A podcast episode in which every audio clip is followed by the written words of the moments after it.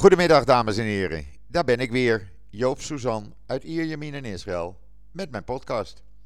Ja, en zoals gebruikelijk, eerst even het weer. Nou, Joop heeft niets te klagen hoor. Het is al dagenlang 24 graden. Uh, ja, het is eigenlijk, hoort dat niet in deze tijd. Maar het gaat veranderen. Waar we nu nog een strak blauwe lucht hebben, zal dat vanaf woensdag anders worden. Krijgen we ook een daling van temperaturen naar 16, 17 graden. En gaat het eindelijk na een lange periode weer regenen. En dat moet ook, daar snakt het land naar. Want voordat je het weet zitten we op uh, eind maart en dan is het regenseizoen alweer voorbij. Dus het weer gaat veranderen, maar vandaag en morgen is het nog even genieten geblazen. En dat is toch wel lekker hoor. Strak blauwe lucht, zonnetje erbij, in je overhemd naar buiten. Voor mij mag het eigenlijk zo wel blijven, maar goed, ik weet ook, het kan niet, het is winter. Dus uh, winterweer hoort erbij. Ja, en dan uh, het coronavirus en het vaccineren. Ja, u heeft inmiddels, als u uh, JoodsNL leest, heeft u kunnen zien dat er gisteren weer 700.000 Pfizer-vaccins zijn gearriveerd in Israël. En uh, premier Netanyahu heeft bekendgemaakt dat er vanaf nu wekelijks zo'n uh, kleine 700.000 vaccins van Pfizer naar Israël komen. Naast de Moderna-vaccins, waar ook de leveranties van zijn begonnen. En de wereld begint een beetje wakker te worden. Uh, mevrouw Merkel heeft gebeld van hoe doen jullie dat nou? Waar zit het geheim? De Tsjechische president heeft een brief geschreven aan president Rivlin van goh, kunnen jullie niet een aantal experts zenden, want wij willen ook zo snel vaccineren. Uh, de Deense premier heeft gevraagd, uh, laat ons eens even weten, hoe doen jullie dat? Dan kunnen wij ook op deze manier uh, te werk gaan. Nou, ik ga het nog een keertje uitleggen, want ik krijg daar veel vragen over elke dag. Het is heel simpel. Israël heeft vier ziekenfondsen, gebaseerd op het oude Nederlandse ziekenfondssysteem. Daar staat iedereen uh, geregistreerd met zijn medische achtergrond. Wat heeft uh, de Israëlische regering nu voor deal gesloten? Die hebben tegen Pfizer gezegd: luister, als jullie ons wat sneller gaan leveren, dan krijgen jullie van ons de data. Uh, dan kunnen jullie precies zien wat de reacties zijn bij mensen die gevaccineerd zijn. Nou, uiteindelijk is dat overeengekomen. Daarnaast heeft Israël gezegd: oké, je vraagt 15 dollar, wij betalen 30 dollar per dosis. Maar dan willen we wel snel veel vaccins hebben. Nou, ook dat uh, werkt. Want het is tenslotte handel voor Pfizer.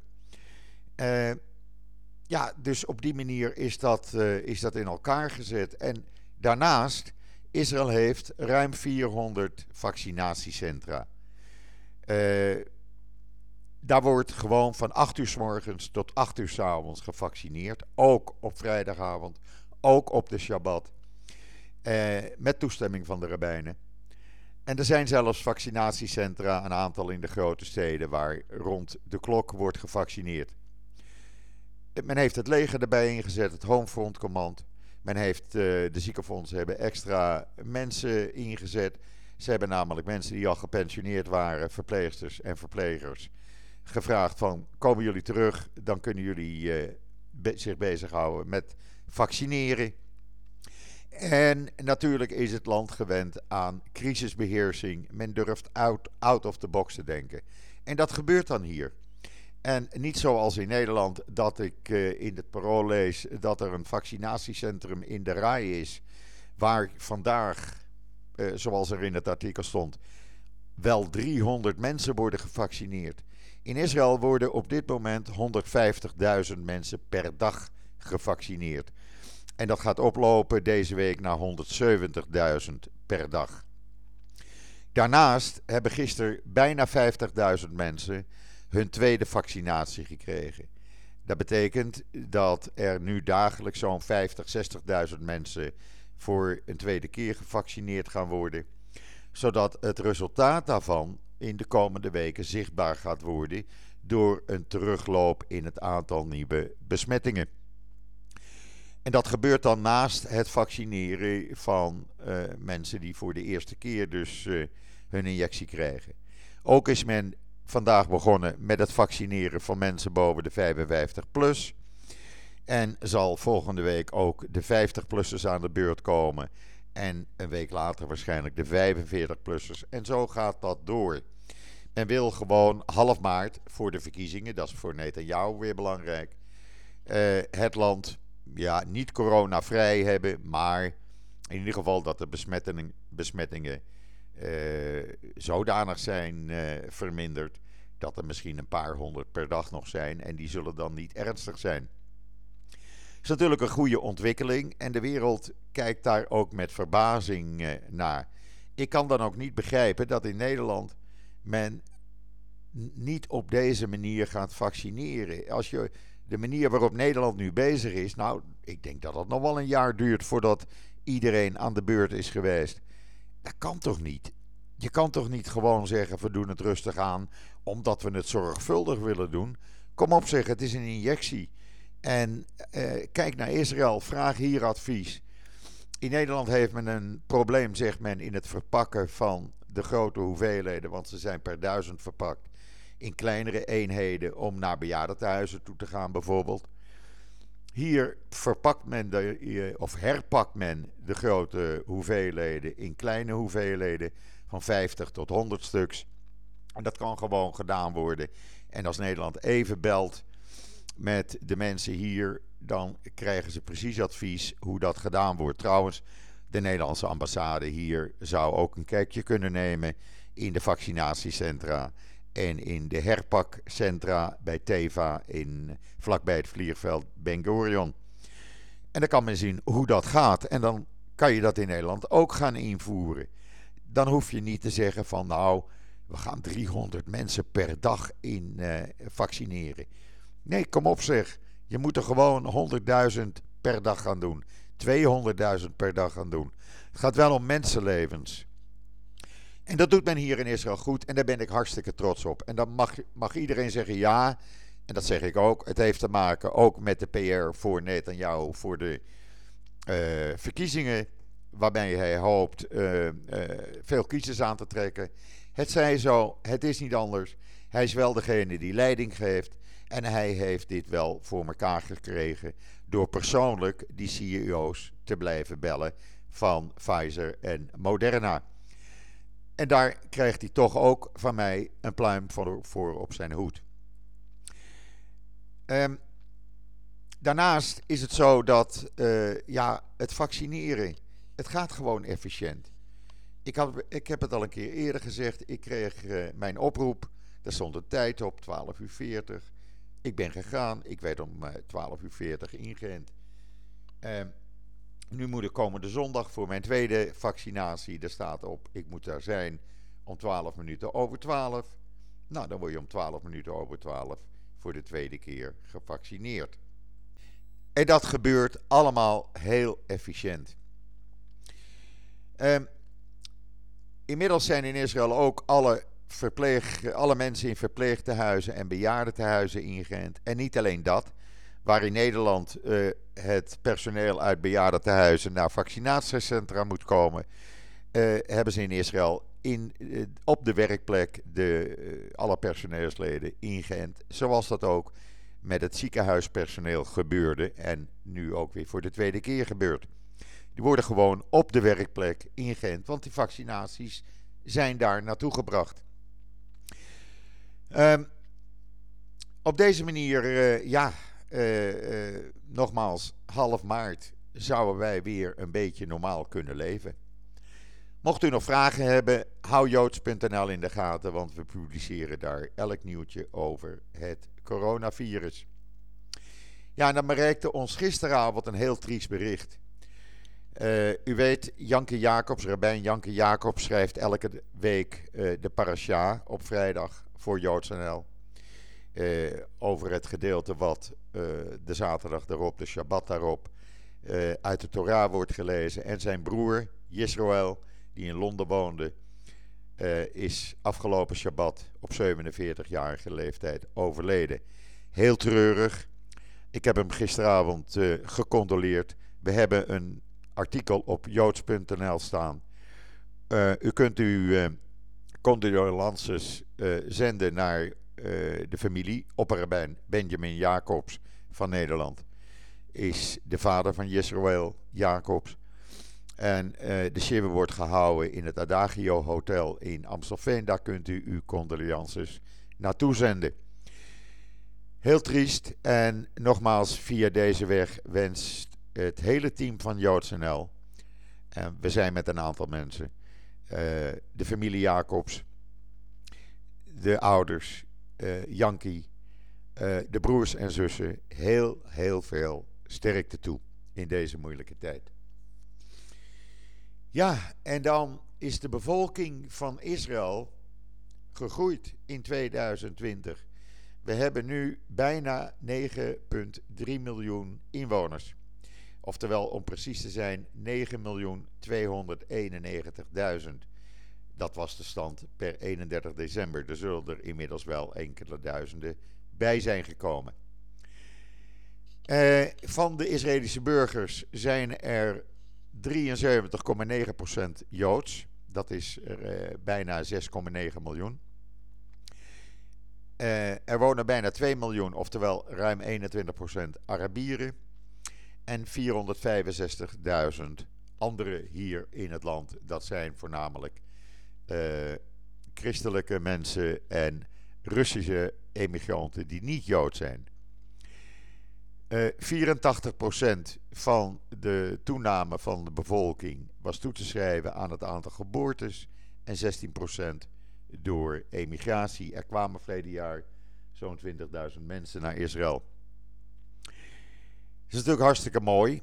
En uh, ja, we zullen dan ook uh, binnen een paar jaar, men verwacht in 2025, 2026, zo'n 10 miljoen inwoners hier in Israël hebben. En dan zitten we bijna op hetzelfde aantal uh, als in België. Dan, want er was nog meer nieuws wat ik u wilde vertellen. Ja, een heel leuk bericht. Want ook in Israël is uh, de X-Factor, die zangwedstrijd, hier een heel groot succes. En het nieuwe seizoen, dat begint binnenkort. En wie zit er in de jury? Jawel, meneer Simon Cowell. Eh, de uitvinder zeg maar, van de X-Factor, die komt dit seizoen in de jury hier in Israël plaatsnemen. Tot nu toe heeft hij dat alleen in Engeland en Amerika gedaan. En Israël is dan het derde uh, land waar hij dit gaat doen. Nou hou ik persoonlijk niet zo van het programma, maar ik ga toch maar eens even kijken. Want ik wil, uh, ik wil wel eens zien hoe meneer Cowell dit doet. Uh, en dan uh, heeft een Israëlische start-up een systeem uitgevonden om de luchtkwaliteit van auto's uh, bij te houden. En dat is belangrijk nu met uh, het coronavirus. Iedereen neemt wel eens een, een niet-familielid, een niet-gezinslid mee in de auto. nou, je kan dat systeem heel eenvoudig aanschaffen en in je auto installeren, waardoor je dus gewoon op de hoogte blijft van het, de luchtkwaliteit in je auto. Nu we het toch weer over het coronavirus hebben. Wij hebben hier dan een strikte lockdown in Israël sinds afgelopen vrijdagmorgen. Betekent dat alle scholen dicht zijn, alle universiteiten zijn dicht. En men had gehoopt dat er zo weinig mensen, zo weinig mogelijk mensen naar hun werkplek zouden gaan en van huis uit zouden gaan werken. En ook wilde men op uh, zaterdag, de vrijdag en op vrijdag de mensen zoveel mogelijk thuis houden. Nou, dat pakt niet helemaal uit. Het is een lockdown Israel-style, zullen we maar zeggen. Het verkeer is wel met 30% verminderd. Maar op zaterdag eh, waren er tienduizenden mensen die toch uh, een stukje wilden rijden met de auto. Of ergens op bezoek wilden. En wat, wat was nou de meest gehoorde smoes? Want je mag je grootouders helpen. Ja, ik moet mijn grootmoeder helpen. Of ik moet mijn groot, voor mijn grootmoeder boodschappen doen. Nou, wie is je grootmoeder dan? Dan wordt er een naam opgegeven en de politie kijkt dan in het systeem en die zegt: hé, hey, jouw grootmoeder is al acht jaar geleden overleden. Ja, dan krijg je natuurlijk een bon. Want ja, uh, ze kijken hier alles na meteen in het systeem. Zo werkt dat hier.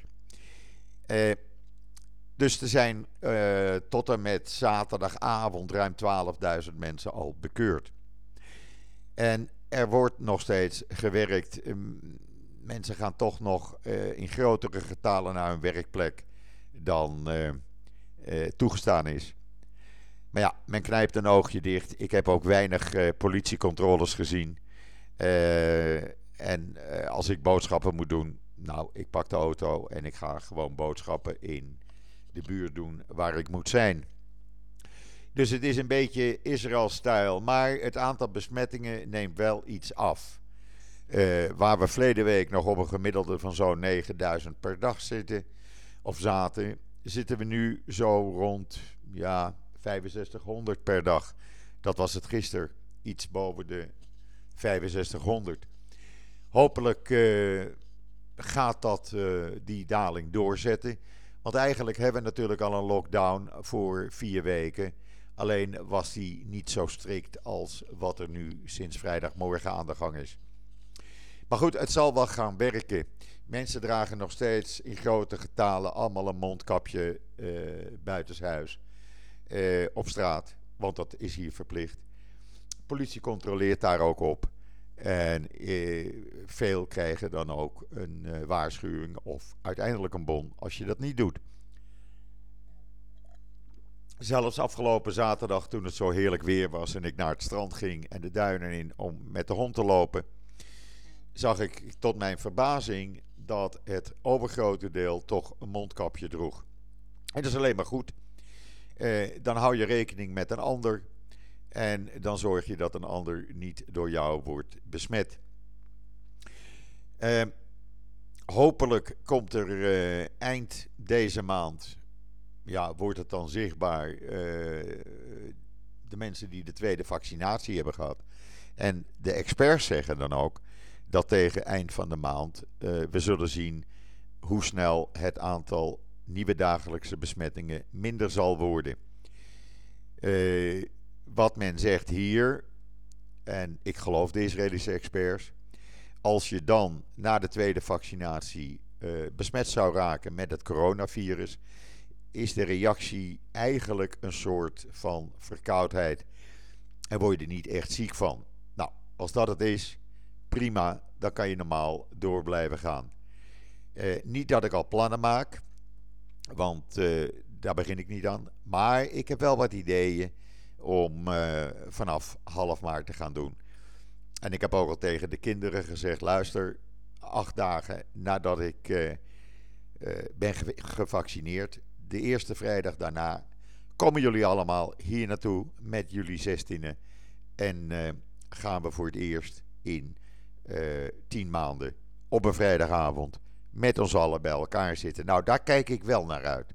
Dat die mogelijkheid dan weer bestaat. Het is alleen uh, wel zo uh, dat restaurants nog niet open zijn, terrasjes ook nog niet. Maar ik verwacht, en ik niet alleen, als je zo kijkt wat er wordt gezegd, dan zal, ja, ik denk zo rond half februari voorzichtig aan de terrasjes open gaan, de restaurants en cafés open gaan. En dan uh, met ons groene paspoort wat je krijgt, want je krijgt namelijk een groen paspoort hier binnen acht dagen na je tweede vaccinatie krijg je een, uh, een app toegezonden met al je gegevens. Die moet je downloaden in je smartphone. En dan kan je naar evenementen, dan kan je naar restaurants, dan kan je reizen. En als je terugkomt in het land, hoef je niet in quarantaine. Uh, ja, dat gaat dan allemaal voordelen geven. En ja, toen ik dat schreef op JoodsNL, kreeg ik meteen reacties van mensen: ja, maar mij niet gezien, mijn gegevens, ik wil dat niet, dat is privacy. Ja, mensen, luister, ik krijg elke drie weken of vier weken van meneer Google een overzicht waarop uh, meneer Google zegt: Joop, je bent uh, op die dag daar geweest, om die tijd. En dan ben je om die tijd weer weggegaan. Toen ben je daar naartoe gegaan. En dan ben je zo lang gebleven. privacy bestaat toch al niet meer. Althans, zoals ik het zie. Um, dan nog even dit. Wat ik heb gedaan. We hebben een uh, kanaal geopend. Of ik heb een kanaal geopend. En JoodsNL zal dat binnenkort ook doen. Op Telegram. Uh, waarom? Omdat wij vinden dat uh, er te veel ja, problemen zijn op Twitter. Ik weet niet wat er bij Twitter op dit moment aan de hand is. Maar er gebeurt van alles achter de schermen. Waardoor onze tweets niet duidelijk meer uh, of soms niet duidelijk meer zichtbaar worden. En het gekke is dat, en dat hoor ik ook van heel veel anderen, uh, ik gewoon honderden uh, volgers ben kwijtgeraakt. Wat Twitter aan het doen is, ik weet het niet. Ik vertrouw het niet helemaal meer. Vandaar dat we een, een kanaal op Telegram hebben geopend. Daar kunt u alles van JoodsNL volgen. Ik zou zeggen, ga massaal op Telegram zitten. Want dat is wat veiliger. U kunt ook discussiëren met ons. We kunnen zelfs telefoneren met elkaar. Uh, het opent veel meer perspectieven. En ik denk dat we over een paar maanden uh, gewoon hoofdzakelijk Telegram zullen gaan gebruiken als nieuw medium. Het is wat veiliger. Je data wordt ook niet gedeeld. Althans, op dit moment niet. En dat is natuurlijk ook alweer een plus. Twitter verkoopt je data. Nou, ze hoeven aan mijn gegevens geen geld te verdienen. Uh, dus we gaan, uh, ja, we gaan ons op Telegram uh, bewegen. Ga daar kijken. Ik zal zo dadelijk nog even de link op, jo, op mijn Twitter-account zetten. Waar u mij kunt volgen. En ja, dan, dan hoop ik u daar ook te ontmoeten. Voorlopig blijven we wel nieuws plaatsen op Twitter. Dat was het voor vandaag eventjes. Ehm, Rest mij u nog een hele fijne en veilige dag toe te wensen. Ik hoop dat in Nederland ook het vaccineren nou uh, wat sneller zal gaan.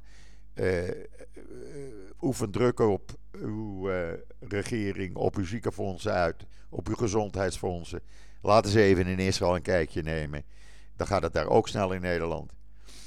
Wat mij betreft, ik ben de donderdag weer. En zeg ik zoals altijd: tot ziens, tot donderdag.